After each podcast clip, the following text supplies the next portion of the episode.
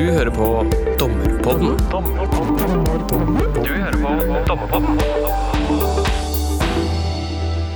En gjenganger i de sivile sakene er såkalte provokasjoner, eller begjæringer om bevistilgang, som jeg tror det heter nå. Og disse begjæringene er eh, en stadig kilde til konflikt mellom partene. Når en part ønsker at motparten skal fremlegge et eller annet eh, bevis, og den andre nekter, så foreligger en bevistvist som domstolene må ta stilling til. Min egen ryggmargsrefleks som dommer er at jeg gjerne vil ha eh, flest mulig bevis. Jeg tenker liksom at eh, flere bevis normalt bidrar til materielt riktigere avgjørelser. Men det er også en del andre hensyn å ta i disse tvistene. Og Høyesterett avsa i fjor sommer en kjennelse i avdeling som eh, gjennomgår både disse hensynene og mer konkret hvilke vilkår som må være oppfylt før en part har plikt til å etterkomme en begjæring om bevistilgang fra motparten. Det er en kjennelse som er utforma på en måte som gir en utmerket oversikt over vilkårene, syns jeg, og, og, er anbefalt lesning for alle som driver med sivilprosess. Eh, referansen det er HR 2019-997, men eh, jeg skal forsøke å huske å ta med den eh, referansen i episodebeskrivelsen i iTunes. Men i tillegg til å gi dere referansen, skal vi selvfølgelig forsøke å oppsummere litt noen av de poengene som Høyesterett kom med i eh, sin kjennelse. Og til å hjelpe oss med det, så har vi fått dagens gjest, som er Fredrik Lilleås Ellingsen. Velkommen hit, Fredrik. Takk for det, Ola. Eh, du sier det, det, viktigste med deg som eh, menneske og arbeidsperson er selvfølgelig at eh, du var med å starte Dommerpodden. Ja, stemmer. Så det er vi veldig takknemlige for. En viktig person i den, den sammenheng. Men nå har du forlatt oss og er senioradvokat i advokatfirmaet Selmer, der du jobber med tvisteløsning og prosedyre primært. Ja. Og så var du prosessfullmektig da, i denne høyesterettssaken som vi skal snakke om i dag. Det er riktig. Så jeg vet ikke om du kan begynne å bare fortelle litt om uh, hva var som var saksforholdet i den, uh, den saken? Ja, så Helt uh, overordnet så sto saken mellom Felleskjøpet og en amerikansk IT-leverandør. Denne IT-leverandøren var engasjert av, av, Felleskjøpet for å implementere et stort nytt datasystem. Eh, stort prosjekt, mye mennesker, mye penger involvert. Eh, det prosjektet havarerer, og, og partene ender senere opp i en tvist for domstolene om hvorvidt man kunne heve avtalen eller, eller ikke. Så er det for eh, lagmannsretten at denne amerikanske IT-leverandøren fremsetter en omfattende begjæring om bevistilgang. Jeg merker meg at du du likestilte provokasjoner og, og, begjæring om bevistilgang. Altså det er, det en formell begjæring om bevistilgang, det er da du ber om rettens kjennelse, mens provokasjoner det er jo da vi, noe vi gjerne omtaler eh, dette som i mer sånn dagligdagse former, at du provoserer det frem og, eh, og, ønsker det fremlagt, men det har ikke noen rettslig betydning. Det står ikke noe i tvisteloven om provokasjoner eller i forarbeidene for, for den saks skyld. Men så terminologien er at uh, når du som advokat ber motparten om å legge fram noe, så provoserer du noe framlagt. Riktig. Mens når du ber meg om å ta stilling til uh, spørsmålet, så eller fremsetter du en begjæring om bevistilgang. Det er korrekt. Da ber du om rettens kjennelse, og provokasjonene de, de fremsetter man gjerne i, i fet skrift i, i, prosesskriv, og man bruser med fjærene, og vi skal, vi skal, ha det ene og det andre. Men det er jo ikke alle disse provokasjonene som nødvendigvis eh, havner i en kjennelse. Da. Noen ganger så etterkommer jo eh, motparten dette. Andre ganger så, så, velger jo den begjærende part å ikke forfølge, eh, forfølge det. Det kan være typ sånn utelukkelsesprovokasjoner hvor du egentlig vil mm, få ut, gjøre et poeng da, av eh, finnes denne avtalen. Nei, det gjør den ikke. Ok, da kan vi gå videre.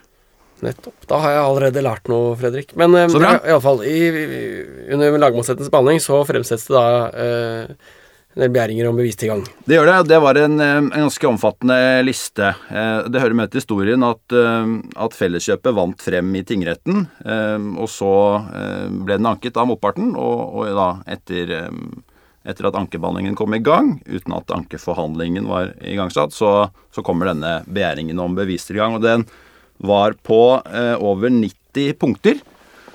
Hvorav mange av disse skal vi kalle dem provokasjonene, da, eh, de var veldig vide i sin eh, ordlyd og i sin art. Det var typisk eh, eksempel kan være at man etterspurte alle dokumenter av et eller annet slag, all korrespondanse mellom mer eller mindre konkretiserte avsendere og, og mottakere. Og det var også eh, provokasjoner som gikk på at man ville ha innsyn i eh, internkommunikasjonen i Felleskjøpet, altså mellom styre og daglig leder, eh, også nedover dette IT-prosjektet. Så de var eh, veldig omfattende. Eh, vi mente jo at, eller partene da, var jo for så vidt uenige om vilkårene for bevistilgang var oppfylt. Det er jo da tre vilkår som er oppfylt for at man skal kunne ta en begjæring om bevistilgang til følge. Det er spesifikasjon, altså den begjærende parten må spesifisere hva man er ute etter. Eh, kort fortalt fordi man skal forstå, motparten skal forstå hva du egentlig spør om. Så er det kravet til relevans. Dette må ha en eller annen betydning for denne eh, saken. Eh, og der er det jo eh, som regel eh, så vil det jo ikke være så enkelt for en, for en dommer på saksforberedelsesstadiet å vite hva som er virkelig kjernen av de bevistemaene som, som tvisten eh, eh, reiser.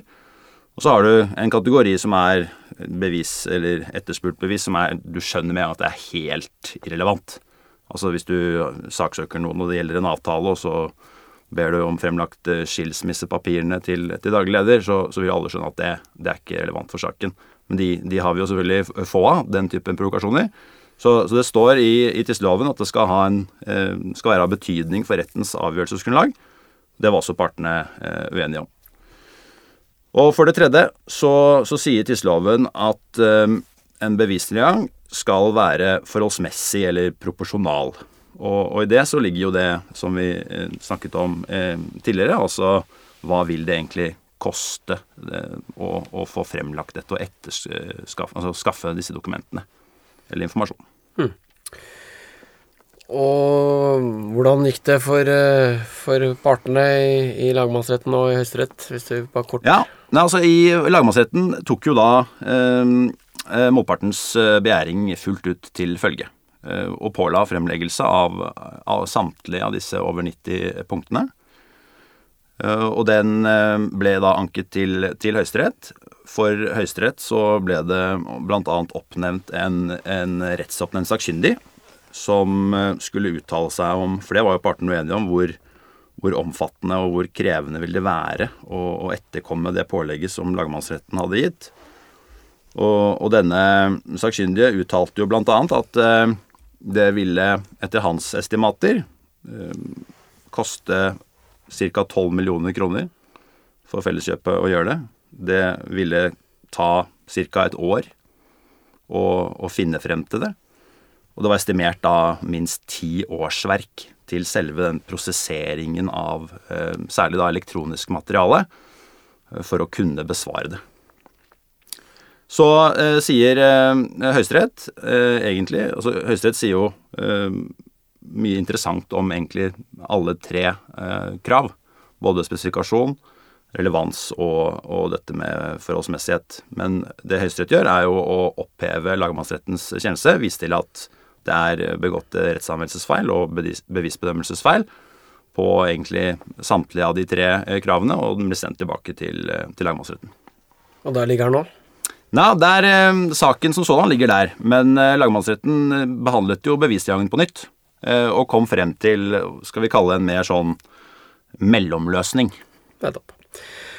Ålreit. Um, vi, vi, skal snakke litt om, eh, om hva Høyesterett sier om disse tre vilkårene. Um, men kanskje før vi kommer dit, om du kunne snakke litt om det norske systemet for bevistilgang hos motparten. Um, fordi jeg forstår at uh, det norske systemet ikke er likt uh, alle andre lands system, og da tenker jeg særlig på dette med disclosure og discovery. Så kanskje du kan bare fortelle litt om hvordan er det lovgivere har tenkt når disse reglene er utformet?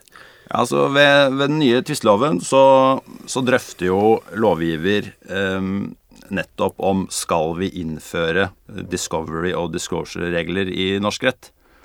Eh, og det lovgiver sier, er at eh, jo, hensynet til materielt riktige avgjørelser er veldig viktig. Men så peker man også på nettopp de kostnadene som er forbundet med å ha et sånt system, som man har i, i USA og, og England. Og, og, man kjenner jo eksempler fra amerikansk prosess hvor, hvor, det som regel, iallfall slik jeg har forstått det, nå er ikke jeg noen ekspert på akkurat det, men eh, saker kan gjerne gå og rulle i, i to-tre år, eh, hvor det bare er discovery-prosess. Og så forlikes de gjerne på tampen av det, for da har alle sett hverandre i kortene i alle mulige, eh, på alle mulige vis. Eh, og så sitter man igjen med en kjemperegning, men også et, et forlik. Discovery Disclosure, om du bare kan si hva, hva, helt kort, hva, hva, er det for et Ja, det er jo et regelsett som eh, kort fortalt egentlig pålegger en part å fremlegge alt som kan være relevant for saken. I England så gjøres det ved at man plikter å opplyse om bevis, altså to disclose, derav disclosure. og alt det du discloser, det har du også en plikt til å fremlegge etterpå. Eh, I USA, og sånn, i begge jurisdiksjoner, så fins det kompliserte regelsett for hvordan disse prosessene ruller og går. Eh, men det er essensen av det er at man bruker mye tid på å eh, gi motparten veldig mye informasjon, veldig mye opplysninger, og egentlig alt som kan tenkes å være relevant for saken. Og i det ligger det at det også er mye som åpenbart ikke er relevant, da. Og så sier du at Eh, norske lovgiveren øh, valgte bort en sånn øh, ordning. Ja, og det lovgiver sier, er at man, man vil også, Man ser også litt, skal vi si, hensiktsmessigheten av, av, no, av noe av dette. Så, så, noen har jo omtalt tvistelovens regler om bevistilgang som en slags sånn modifisert discovery. Det har jo vært skrevet om i, i teorien før, før denne kjennelsen kom.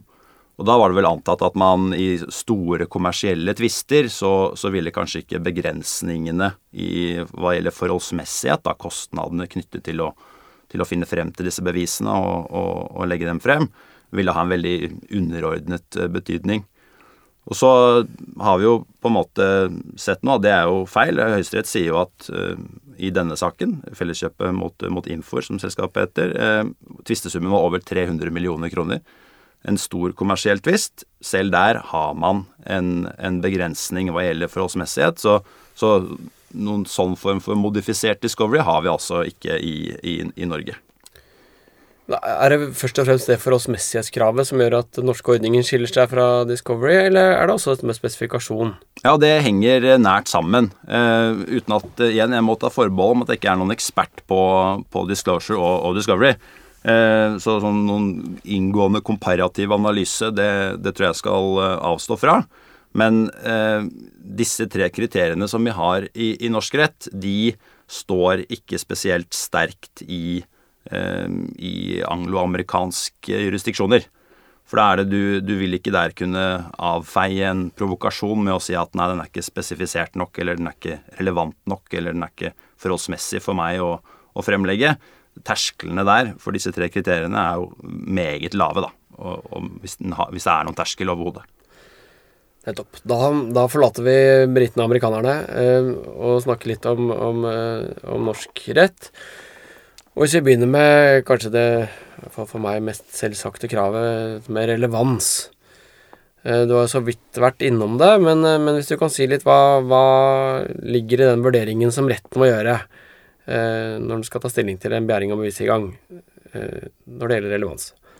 Nei, altså Det retten skal vurdere, er jo om dette er egnet til å styrke rettens avgjørelsesgrunnlag. Det er det som, som står i, i tvisteloven.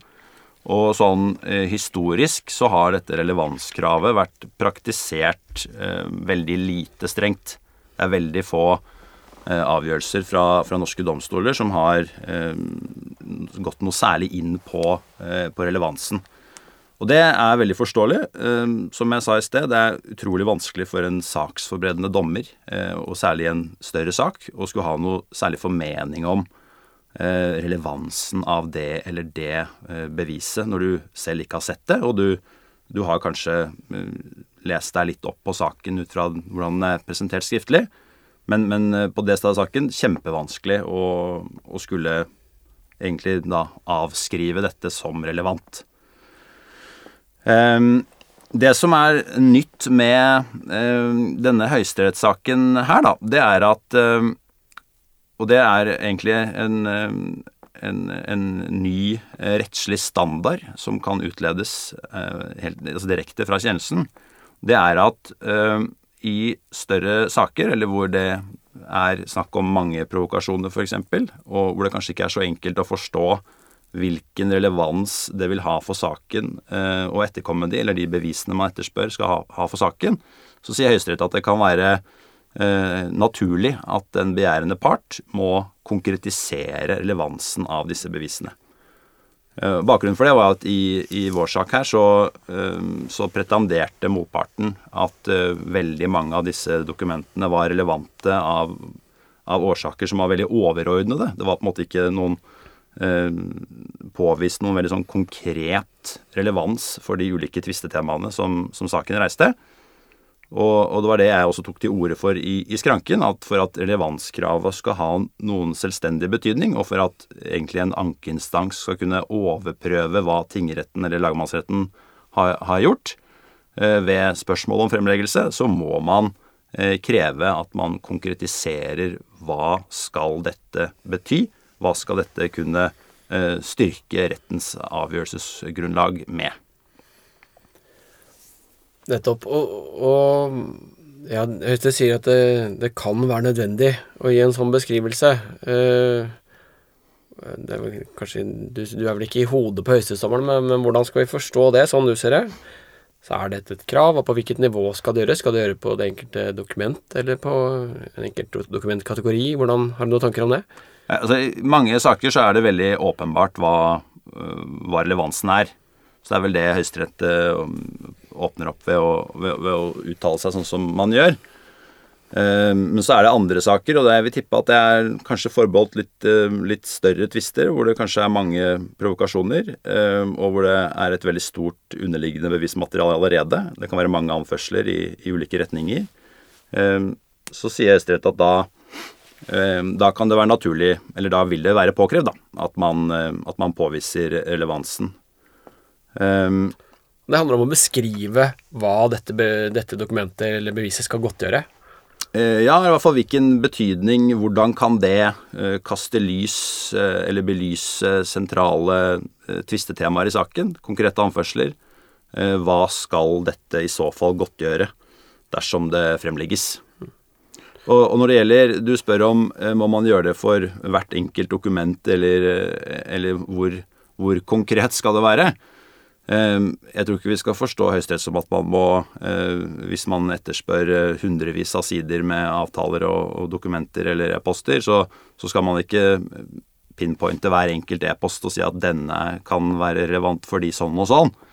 Men det som var eller det lagmannsretten hadde gjort i, i denne felleskjøpesaken, det var å behandle eh, veldig mange provokasjoner samlet.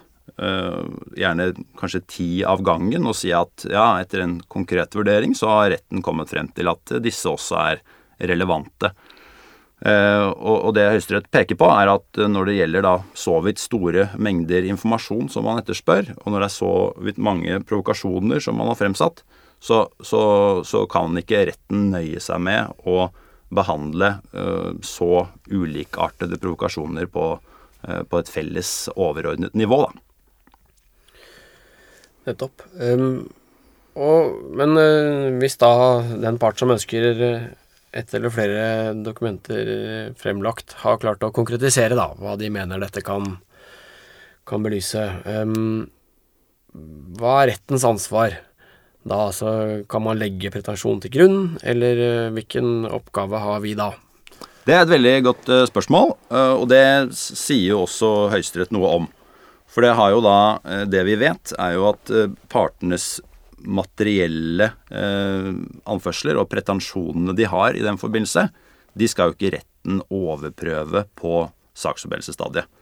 Så at noen mener at en avtale er vesentlig misligholdt, ja vel, det, det får retten bare bygge på inntil videre når det kommer til, til eh, prosessuelle spørsmål. Eh, men så kommer jo spørsmålet skal retten da ubetinget også legge til grunn at, eh, at det vil påvise en relevans i form av at disse dokumentene skal man ha. Jo, du sier du skal ha de fordi avtalen er misligholdt. Ja, da, da er det vel relevant for din pretensjon. Eh, her sier Høyesterett at når det kommer til eh, pretensjonen om bevisets eh, relevans, eh, eller bevisverdien som sådan, så har retten full prøvingskompetanse. Det kan man prøve fullt ut. Og det skal retten også gjøre. Det, det er jo viktig særlig til de dommere som, som, som lytter på, på, dette, at her skal retten faktisk vurdere det. Og det har du jo allerede sagt, at eh, det er jo noen ganger en litt sånn vanskelig øvelse. Ja. Og men, derfor skal dommeren utfordre den begjærende part på Ja, men forklar meg da, kjære advokat, hvorfor er dette relevant? Forklar meg det, så kan jeg skrive det, og så, så er alle fornøyd. Nettopp. Det er jo måten vi liker å gjøre det på når vi har vanskelige vurderinger. Det er jo å be om hjelp fra advokatene. Neste vilkåret du snakket om, var, var spesifikasjon. Altså man skal si hva slags dokumenter man ønsker fremlagt. Spesifisere hva man ønsker fremlagt. Kan du si litt om, eh, litt om, eh, om det kravet? Det, det kan jeg gjøre. Uh, man kan jo spørre hvorfor har vi et spesifikasjonskrav? Uh, og, og bakgrunnen for dette er jo og, og, unngå at man eh, havner egentlig i, i discovery. Hvis man kan eh, kreve fremlagt alt, så, så, må man jo fremlegge alt. Og da, da får vi jo en prosessordning som, som har sterke likhetstrekk med, med våre venner i, i USA og, og England. Så, så, formålet bak spesifikasjonsregelen er jo at man må si, kalibrere siktet. da. Du kan ikke skyte med hagle her. Du må pinpointe hva er det du etterspør, slik at uh, den motparten kan forstå hva du vil ha. Og Det er også da uh, egnet til å uh, skal vi si, motvirke såkalte fisketurer eller fiskeekspedisjoner. Som er gjerne det vi, vi, kaller kaller om litt sånn ubestemte En slags ubestemt leting etter bevis av en mulig interesse for, for saken. Altså jeg er egnet til å spisse, spisse provokasjonene litt, da. Definitivt. Um, ja, og, og hvis, du, hvis, vi knytter det opp mot denne saken som, som er utgangspunkt for denne episoden, hva, hva er det Høyesterett sier om, om, det, og, og hvordan var det behandla i den saken? Det tvisteloven sier, er at uh, man skal spesifisere bevistilgangen så langt det er mulig. Og I vår sak så var det jo da en del eh, provokasjoner, som jeg var innom i sted, som var av typen alle dokumenter, eh, all korrespondanse, som er jo da veldig vide i sin, i sin art. Og det Høyesterett sier jo, er at dette blir for vidtrekkende dersom retten godtar provokasjoner av, av den karakter så, så, får vi et resultat som, som minner sterkt om disclosure eller, eller discovery. Så sånn hjelpemiddel for å, for å kunne utfordre en, en part på, da, om, om, man har spesifisert det godt nok Det kan jo være kriterier som innsnevrer, kall det et, et søk etter informasjon. Eh, har du oppgitt noen avsender og adressat. Istedenfor all korrespondanse punktum, så blir det all korrespondanse mellom A og B, eller A, B og C. Du kan eh, spesifisere det i et tidsrom. Eh, vil ofte være egnet hvis en, et kontraktforløp har vart så og så lenge, så, så er det kanskje ikke så interessant med, med korrespondanse som er lenge før avtalen blir inngått, eh, f.eks. Lang tid etterpå. Um, det kan også være temaer eller dokumentkategorier som kan være med på å, å spesifisere dette nærmere. Men det høres ikke ut som det er noe krav om å spesifisere det enkelte dokument, da. Nei, og der må man jo se an eh, fra sak til sak. Noen saker så er det jo kanskje ett dokument man vil ha, og da, da er jo åpenbart eh, spesifikasjonskravet som regel oppfylt. Eh, mens, eh, mens, dette er jo mer myntet på på, på, saker hvor man etterspør store mengder eh, informasjon, eller hvor en litt sånn uspisset provokasjon kan føre til at man må gå igjennom veldig mye informasjon for å ende opp med det eh, si nettoutdraget, som er det motparten egentlig ber om. Og det var litt av problemet her også, fordi altså i denne saken. Fordi når du har et prosjekt som varer over flere år, og det er flere hundre eh, ansatte og konsulenter på hver side eh, hos kontraktspartene som da interagerer og korresponderer på ulike nivåer i, i et prosjekt, så etterlater det seg, og særlig i den sånn moderne tidsalder som vi er i nå, eh, veldig mange skriftlige spor. Og det er klart, hvis du da ber om all korrespondanse mellom prosjektet som sådan, som det er mange hundre personer, og um, ulike personer på andre siden, så vil jo uh, bruttoutdraget av det være massiv mengde med e-poster. E og, og, det var jo da heller ikke spesifisert nærmere hva slags type informasjonsbærer man, man ville ha det fra. Så nå, nå til dags så kommuniserer vi jo på veldig mange ulike plattformer. E-post er jo eh, åpenbart, men du har også mange andre typer eh, kanaler som man eh, snakker sammen på. Teams, eh, Skype før, eh, osv. Men um, er Skype helt ute, eller? Eh, ja, du kan si det sånn. Det er, Skype er nå inne i Teams. Ja, ok. Ja. det, er ikke, det, er ikke, at det er blitt ukult? Nei, nei, nei. nei ok. Ålreit, um, men i, i, i, noen saker så kan man jo tenke seg at det er ganske vanskelig å vite hva motparten har. Altså, nå kjenner jeg ikke din sak, da, men, men man kunne jo tenke seg at uh, den amerikanske IT-giganten ikke visste hva som fantes.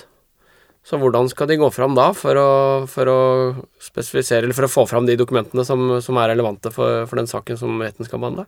Ja, der har jo, eh, Tvistloven har jo en egen eh, bestemmelse som går på, på, dette. At man kan, retten kan pålegge en part å besvare spørsmål fra motparten.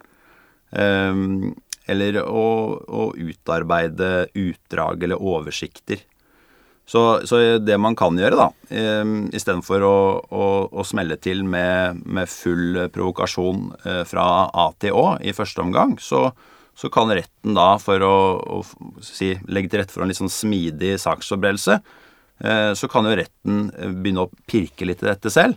Eh, og utfordre parten på ja, nå, nå merker jeg at motparten ber om eh, ting som kan belyse dette og dette. Eh, hva finnes det av mulige informasjonskilder eh, på det? Er det noe overhodet? Og, og, og, sånn sett så kan man uten å måtte kjøre løpet fullt ut da, og fremlegge masse dokumenter, så, så, kan man gjennom spørsmålsstilling og egentlig planmøter, eh, interaksjon, eh, avklare hva, hva som egentlig ligger der. Så det, man kan på en måte tvinge motparten da, til, å, til å bidra til den spesifikasjonen, egentlig? Det er riktig. Nettopp. Um, Nettopp. Man kan jo se på dette som at eh, hvis det er en part som ikke har oversikt over hodet, da, så, så leter man litt sånn rundt med lommelykten sin og, og, og finner ikke noe. Her kan retten eh, hjelpe til da, for at man skal kunne rette lysstrålen fra, fra lommelykten på, på, riktig hjørne av, eh, av rommet man, man, leter i. Nettopp. Um,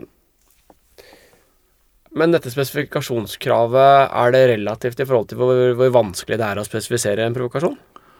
Jeg liker å se på dette som at disse tre kriteriene må man se i sammenheng. Eh, for det er de avgjørelsene eh, som finnes historisk, de som har gått lengst i å pålegge eh, veldig sånn vidtfavnende provokasjoner, det er også saker hvor, hvor motparten har problemer med å vite hva som ligger der. Man leter kanskje si det litt etter nåla i, i høystakken men den nåla er en, nøkkelen for å vinne frem med saken ut fra sine pretensjoner. Eh, og man da, hvis man da kan påvise at det er umulig for meg å vite akkurat eh, hvor det jeg leter etter, ligger Det er vanskelig å, å gi noen helt konkrete datointervaller eller adressatmottaker eh, eller hva slags dokumenttype det er snakk om men samtidig vise til at dette er veldig relevant for min pretensjon, ehm, så, så, så vil ehm, eller så har i hvert fall domstolen historisk da eh, tatt det til følge. Nettopp fordi det er noe viktig for, for, for, for saksopplysningen. Eh, og, og, da kan det gjerne også være ehm, store kostnader knyttet til, til den eh, fremleggelsen. Så det, det, skinner ikke gjennom i, eh, i Høyesterett sier ikke det konkret i, i denne avgjørelsen, at du må se på disse tre eh, vilkårene i, i, sammenheng. Men det lagmannsretten hadde gjort, eh, det var å ta en, en helt sånn isolert tilnærming til hvert av kriteriene. Og det tenker jeg blir, blir feil, fordi dette er ulike størrelser som jeg tenker kan er det veldig relevant, ja, så kan man justere litt ned på spesifikasjonskravet. Er det veldig uforholdsmessig, så, må kanskje kravene til relevans og eller spesifikasjon strammes noe til. da. Nettopp. Um, nettopp. Altså det, det jeg tenkte på, så var bare Jeg har jo lest den kjennelsen. Ja. Men der står det bl.a. at dette kravet til, individual, til individualisering Kravet må likevel ses i lys av muligheten for å foreta en nærmere individualisering, og kan ikke stilles så høyt at det kan hindre kartlegging av faktiske forhold av betydning for saken. Jeg tenker at det er noe av det du var inne på. Ja, det er jo det. Og for spesifikasjonskravets del så, så, så handler jo det da om eh, hvis en part står i mørket eh, og, og, og liksom vet ikke hvor man skal begynne for å få tak i dette som man tenker er eh, viktig og sentralt for, for sakens opplysning, så skal ikke spesifikasjonskravet være et sånt adda-badda eh, hinder for, for den part som åpenbart sitter på, på dette her, men vil ikke eh, legge det frem.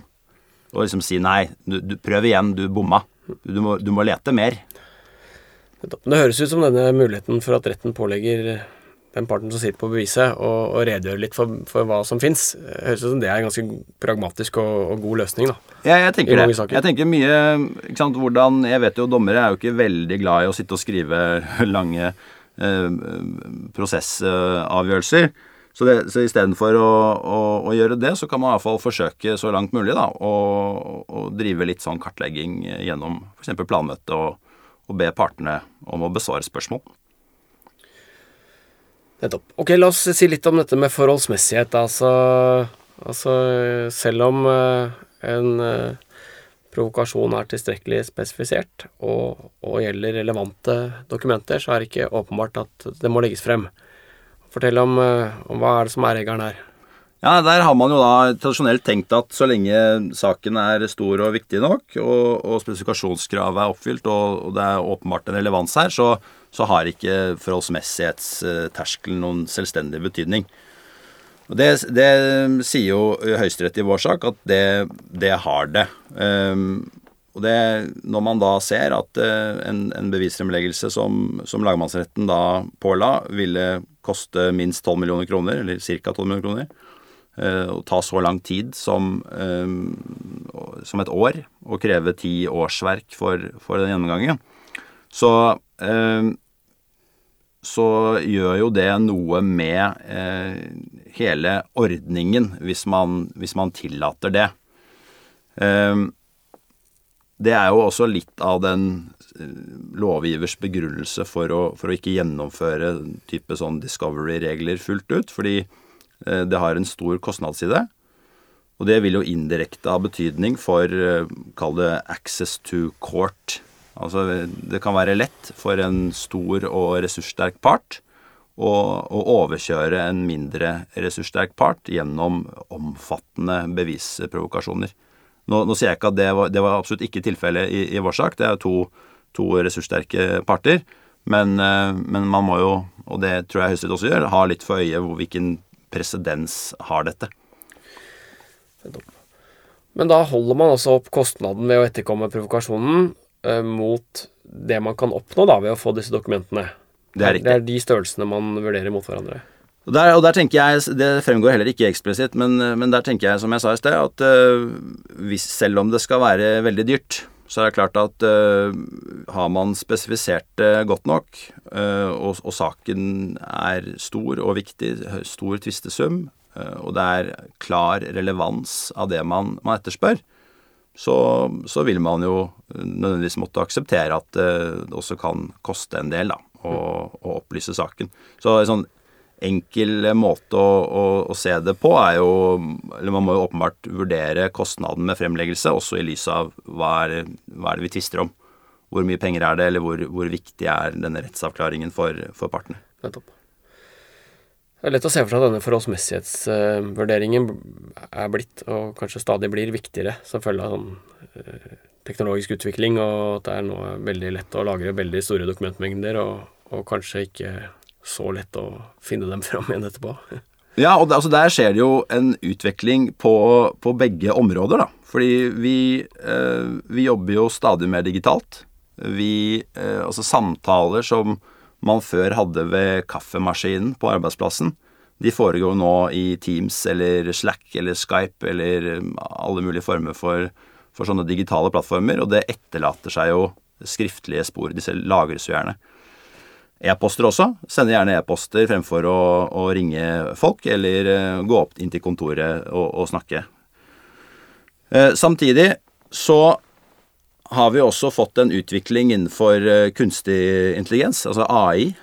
og det er jo mange selskaper som nå utvikler software som gjør det enklere å egentlig putte svære brutto datasett inn i en maskin og så da gjennom eh, maskinlæring eh, kunne filtrere dette og gå gjennom det, sånn at du sitter igjen med et, eh, et nettoutdrag av hva du egentlig vil ha, eh, som gjør det si, mindre ressurskrevende da, å, å, prosessere.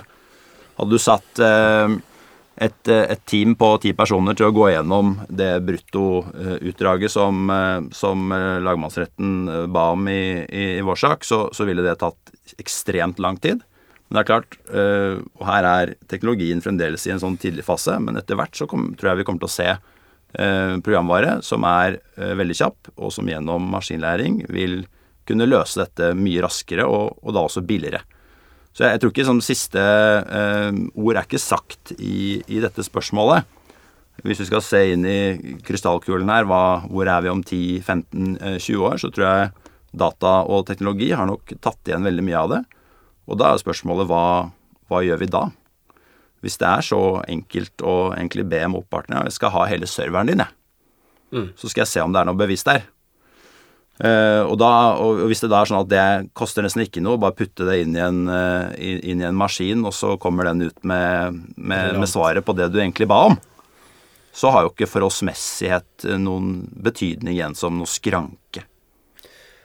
Nei, altså ja, Apropos det, altså Det kan du si eh, at det ikke da vil koste så mye å, å etterkomme provokasjonen, men dette poenget med denne fremleggelsen må være at man skal fremlegge det for retten og gjennomgå det. Så er det også et poeng i den forholdsmessighetsvurderingen. Altså hvilke kostnader det vil medføre å få alle disse bevisene i hovedforhandling. Altså kan man tenke seg at, eh, at en veldig stor dokumentmengde vil gjøre at man trenger mer tid, da? Ja, jeg, jeg, ser helt klart uh, poenget ditt. Uh, og der har min uh, erfaring der er vel at domstolene egentlig ikke legger det til grunn. Fordi man sier at jeg som dommer trenger jo ikke se alle disse dokumentene på saksforberedelsesstadiet. Dette kan dere ordne dere imellom. Jeg pålegger deg å fremlegge dette, og så sender du det direkte til, til motpartens prosessfullmektig. Og så får den som begjærer, da, gå igjennom og, og, gjøre et utdrag av hva vedkommende mener er relevant for denne saken. Mm. Slik at det, det, argumentet har jeg forsøkt å bruke, øh, men det fikk jeg ikke noe gehør for. Nei, Men altså forutsetningen for å kunne kreve det fremlagt, er jo at det er relevans, da. Er relevant, så men det du er inne på, er jo egentlig mer spørsmål om, om, eh, prosessøkonomien som sådan. Nettopp. Eh, hvor mye lengre tid må vi sette av til hovedforhandling for å kunne gå gjennom alle disse dokumentene? Eh, og det vil jo i hvert fall ha en form for eh, ringvirkning. Det er klart Jo mer støv du virver opp her, og jo mer dokumenter som, som kommer inn i, i, eller i motparten i hende, vil jo sannsynligvis føre til at det blir lagt frem mer også direkte for retten. da. Så jeg tenker det er, det er klokt å tenke sånn. Fint. Um, Ålreit. Jeg tenkte vi skulle prøve å ikke lage en sånn halvannentimesepisode som, ja, som vi pleier. er, det, er det noe vi, vi burde nevne? En, noen læringspunkter vi må ta med oss? Eh, noen sånne ting, eh, Fredrik? Det jeg eh, har tenkt på, da, det er I denne saken så sier jo Høyesterett Eller klarlegger jo mange av de Hvordan skal man ta stilling til disse tre kravene om, om relevans, spesifikasjon og, og forholdsmessighet. Så har vi jo et eget sånt bevisfremleggelsesinstitutt i form av utenrettslig bevissikring etter kapittel 28 i tvisteloven. Og der er det jo sånn at man Det er jo før det har blitt sak, så, så begjærer man det, og så tar man typisk beslag i en server, da. Og så lager man et mandat for hva man skal få ut av informasjon fra, fra den. Og jeg tror at de uttalelsene som Høyesterett kommer med i denne saken, også er overførbare til spørsmålet om bevissikring. Eh, for der har jeg inntrykk av at det har vært veldig sånn fritt frem. Man, man, eh, man går nesten inn med sånt straffeprosessuelt eh, eh, blikk i, i, disse sakene. Og egentlig legger frem alt som er å, å, å finne, og går veldig vidt ut eh, når man fastsetter disse mandatene. Og det, eh, sånn, Den mer sånn rettslige begrunnelsen for, for standpunktet mitt er jo at uh, det kapittel 28 sier, er at man uh, skal uh, bruke reglene i, om bevisfremleggelse innenfor rettssak så langt de passer. Så dette kan være en mulighet for, for en litt sånn oppdragende effekt da, ved, ved spørsmål om, om bevissikring. Altså Umiddelbart så fremstår det som underlig hvis man skal kunne kreve mer av en uh, annen part før man har tatt ut søksmål enn en etter. Så det, det, var lett å, lett å følge, syns jeg. Um, et kort ting som jeg, En liten ting som jeg glemte, bare, uh, som, som uh, med sånn praktisk poeng. Så nevnte du at Høyesterett oppnevnte en sakkyndig ja. for å vurdere hvor lang tid kom det til, eller hvor mye ressurser kom det til å kreve å etterkomme dette her. Og, og det hvert fall i litt større tvistene, kan man jo se for seg at også vi litt lenger ned i systemet gjorde noe sånt. Men hva slags menneske er det, eller hva slags eh, ja, Hvem er det som gjør en sånn jobb? Eh, eh, det vil vel da som regel være noen som har kunnskap om disse verktøyene for, for elektronisk gjennomgang. Så er IT-folk, liksom? Ikke nødvendigvis IT-folk, men Eh, altså han som, eh, han som var oppnevnt i, i denne saken, han eh, hadde bakgrunn fra bl.a. Eh, politiet, eh, men også med en sånn type IT-faglig bakgrunn oppå der igjen. Så de, disse folka brukes jo veldig mye i granskninger. Hvor, eh, hvor selskaper foretar interne granskninger, engasjerer advokatfirmaet til å gjøre det. Hvor man gjerne tar nettopp beslag i, i servere, e-postkasser, telefoner, datamaskiner, det som måtte være. Og så bruker man disse De heter jo da uh, e-discovery-verktøyene uh, for å prosessere disse omfattende mengdene med, med informasjon. Nettopp. Det var et lite praktisk ja. tips, kan vi kalle det til slutt. Um, da tror jeg bare jeg takker deg for tida, jeg, Fredrik. Takk for at jeg fikk komme. Jeg føler jo nå at sirkelen er på en måte sluttet. Ja. At jeg kunne også komme hit som gjest. det blir forhåpentligvis ikke siste gang, Fredrik. Um, takk skal du ha. I like måte. Jeg heter eh, Ola Berg Lande og lager eh, Dompodden sammen med Ragnar Lindefjell og Runa Nordahl Hereid. Vi høres. Du har hørt på Dommepodden. Dommepodden er en podkast fra Norges domstoler og er først og fremst ment som et kompetansetiltak for dommere. Hvis du har ris, ros, forslag til temaer eller folk vi kan prate med, så er vi glad for å høre fra deg, og da kan vi nås på podkast at domstol.no. Ha en god dømmende hverdag så lenge. Vi høres.